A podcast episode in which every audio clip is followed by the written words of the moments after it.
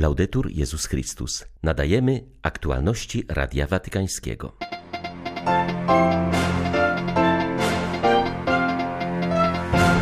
W ekumenizmie nie zadowalajmy się dyplomacją kościelną, która pozwoliłaby nam zachować własne punkty widzenia, lecz podążajmy razem jako bracia, powiedział Franciszek do prawosławnej delegacji Patriarchatu Konstantynopola. Postawa patriarchy Cyryla względem wojny na Ukrainie to herezja, powiedział prefekt dykasterii do spraw jedności chrześcijan. Podkreślił, że w takich okolicznościach kolejne spotkanie papieża z patriarchą nie wchodzi w rachubę. Walka ze złem jest chrześcijańskim obowiązkiem, przypomina arcybiskup Światosław Szewczuk w kontekście kolejnych rosyjskich ataków na cywilne cele na Ukrainie. 30 czerwca witają Państwa Marek Krzysztofiak i Łukasz Sośniak. Zapraszamy na serwis informacyjny.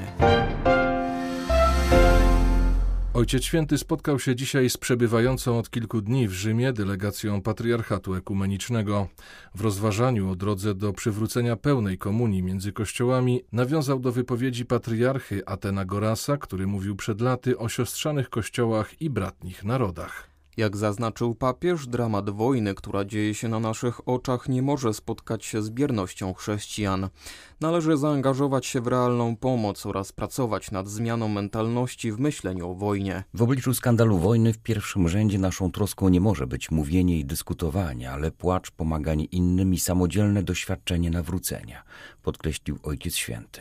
Tylko dzięki prawdziwemu braterstwu można odpowiedzieć na wymagania stawiane przez Ewangelię należy czynić akty miłosierdzia wobec Jezusa ukrytego w wysiedlonych, ubogich i zranionych.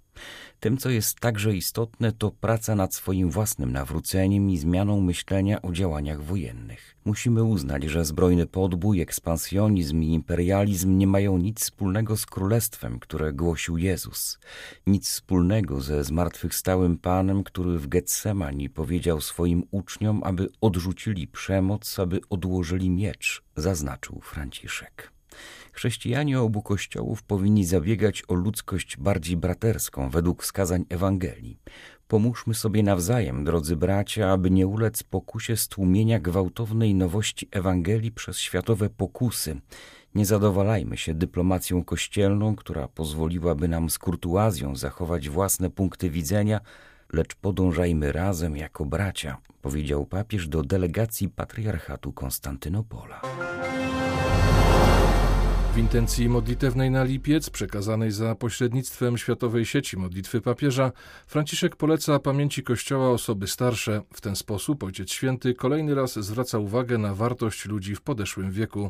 Pod koniec lutego rozpoczął poświęcony im cykl kateches. Papież podkreśla, że we współczesnym społeczeństwie osób w zaawansowanym wieku jest coraz więcej, ale kulturowym wzorcem jest wciąż młody dorosły, człowiek samowystarczalny i niezależny. To młodość nadaje sens życiu, starość jest utożsamiana z jego utratą, dlatego osoby w jesieni życia są narażone na ryzyko wykluczenia, zauważył Franciszek. No nie możemy mówić o rodzinie, nie wspominając o znaczeniu osób starszych wśród nas. Jeszcze nigdy w historii ludzkości nie byliśmy tak liczni, ale nie wiemy, jak dobrze przeżyć ten etap życia.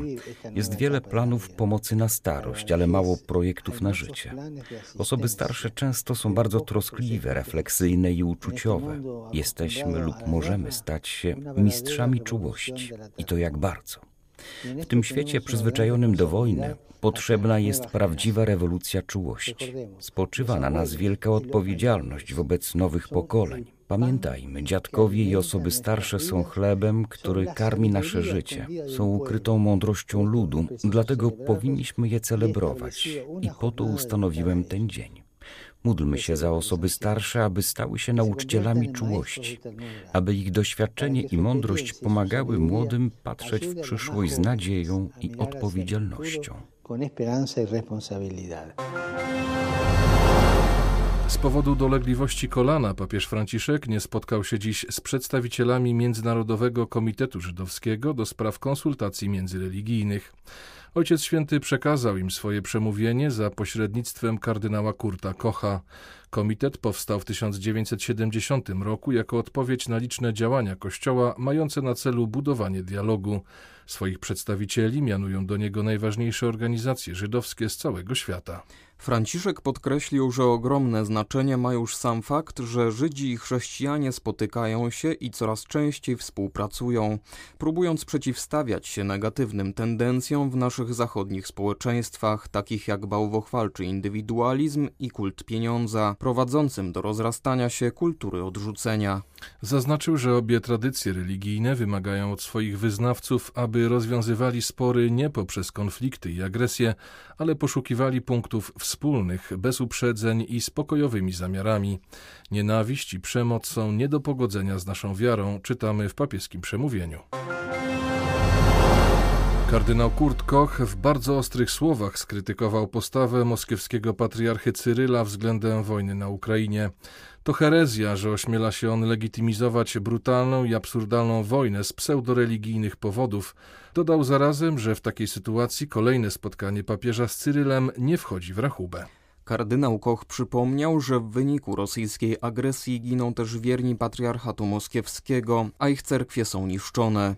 Pseudoreligijne uzasadnianie tej wojny przez patriarchę Cyryla musi wstrząsnąć każdym ekumenicznym sercem, dodał szwajcarski purpurat. Szef watykańskiej dykasterii przypomniał, że z chrześcijańskiego punktu widzenia nigdy nie można usprawiedliwić wojskowej agresji, a jedynie w określonych warunkach obronę przed niesprawiedliwym agresorem. Bagatelizowanie tej wojny jako operacji wojskowej jest nadużyciem języka. Muszę potępić to stanowisko jako absolutnie nie do przyjęcia, podkreślił kardynał Koch. Dodał zarazem, że w takich warunkach kolejne spotkanie Franciszka z Cyrylem nie wchodzi w rachubę, ponieważ mogłoby ono zostać źle zrozumiane jako poparcie papieża dla stanowiska patriarchy, co poważnie zaszkodziłoby autorytetowi moralnemu Ojca Świętego. Kardynał Koch przyznał, że jest wdzięczny papieżowi za odwołanie zaplanowanego na połowę czerwca spotkania z Cyrylem w Jerozolimie. Szef ekumenicznej dykasterii wyjaśnił też, jak doszło do wideokonferencji papieża i Cyryla w marcu. Franciszek zgodził się na nią w nadziei, że w ten sposób będzie mógł przyczynić się do szybkiego zakończenia wojny. Potem, zaraz po tej konferencji, patriarchat moskiewski opublikował oświadczenie, z którego wynikało, że papież i Cyryl mają podobne spojrzenie na konflikt na Ukrainie. W takiej sytuacji Watykan musiał sam publicznie zakomunikować, co tak naprawdę papież powiedział. Siły ukraińskie utrzymują swoje pozycje w Lisiczańsku, największym mieście obwodu ługańskiego, znajdującym się wciąż pod kontrolą Ukrainy. Wróg stosuje tak zwany rakietowy terroryzm.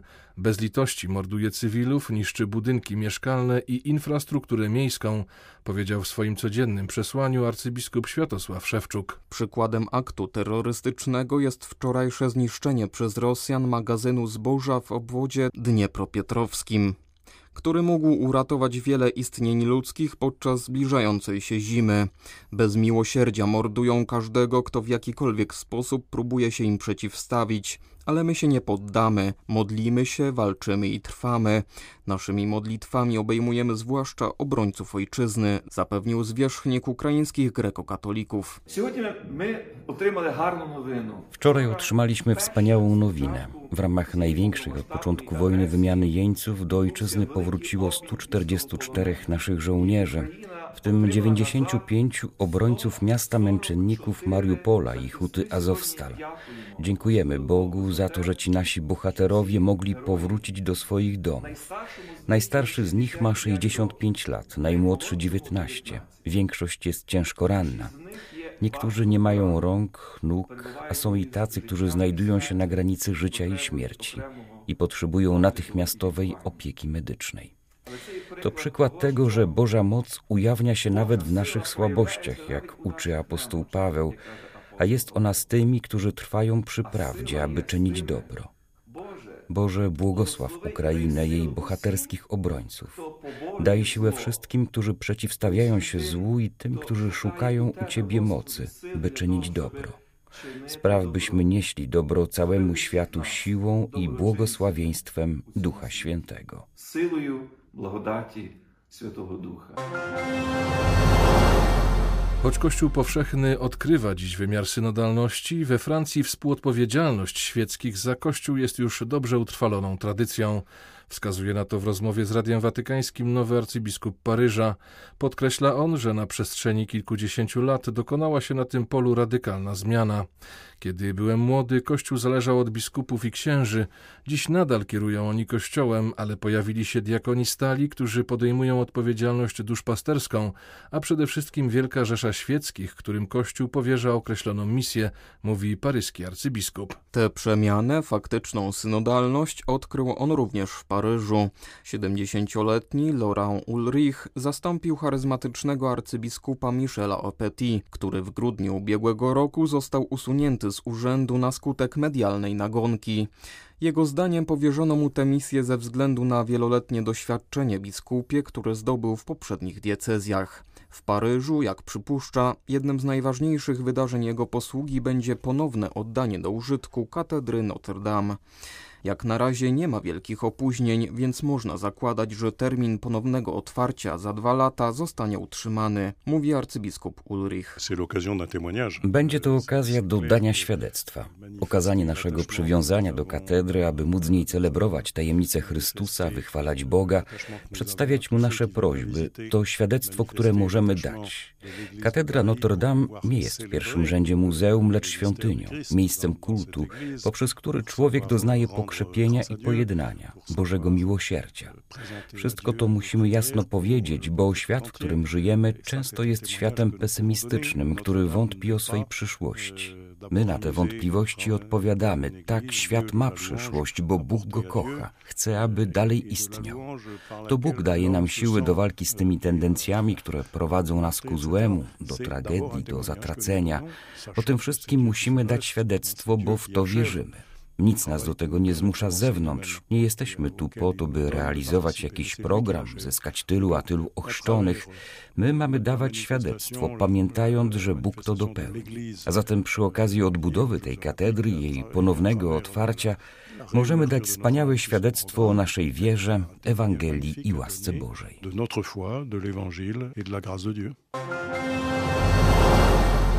W poniedziałek na obrzeżach San Antonio w Teksasie odkryto w naczepie ciężarówki około 50 ciał nielegalnych migrantów przemycanych przez granicę.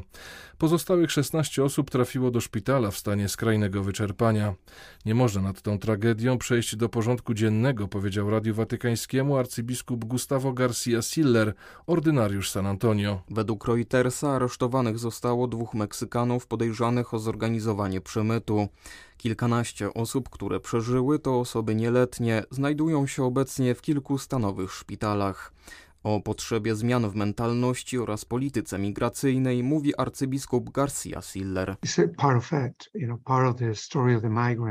To część tej historii, historii migrantów, że oni są nikim, nie liczą się.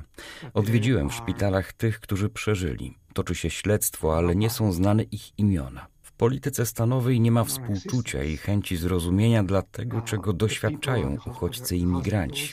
To bardzo bolesna droga. Niedawno była masakra w Teksasie. W szkole podstawowej zastrzelono 19 dzieci i dwóch nauczycieli, ale ofiary i ich rodziny miały imiona. Byli częścią społeczności, która ich kochała i nigdy nie byli sami. Ci migranci ryzykujący w nadziei na lepsze życie są samotni i bezimienni. W swoich kondolencjach i przesłaniu po tragedii Franciszek powiedział, że potrzebujemy zmiany serca. Musimy sprawić, aby te sytuacje, które stały się teraz powszechne, skończyły się. Nie można pozwolić, by po prostu przechodzić nad nimi do porządku dziennego. Były to aktualności Radia Watykańskiego. Laudetur Jezus Chrystus.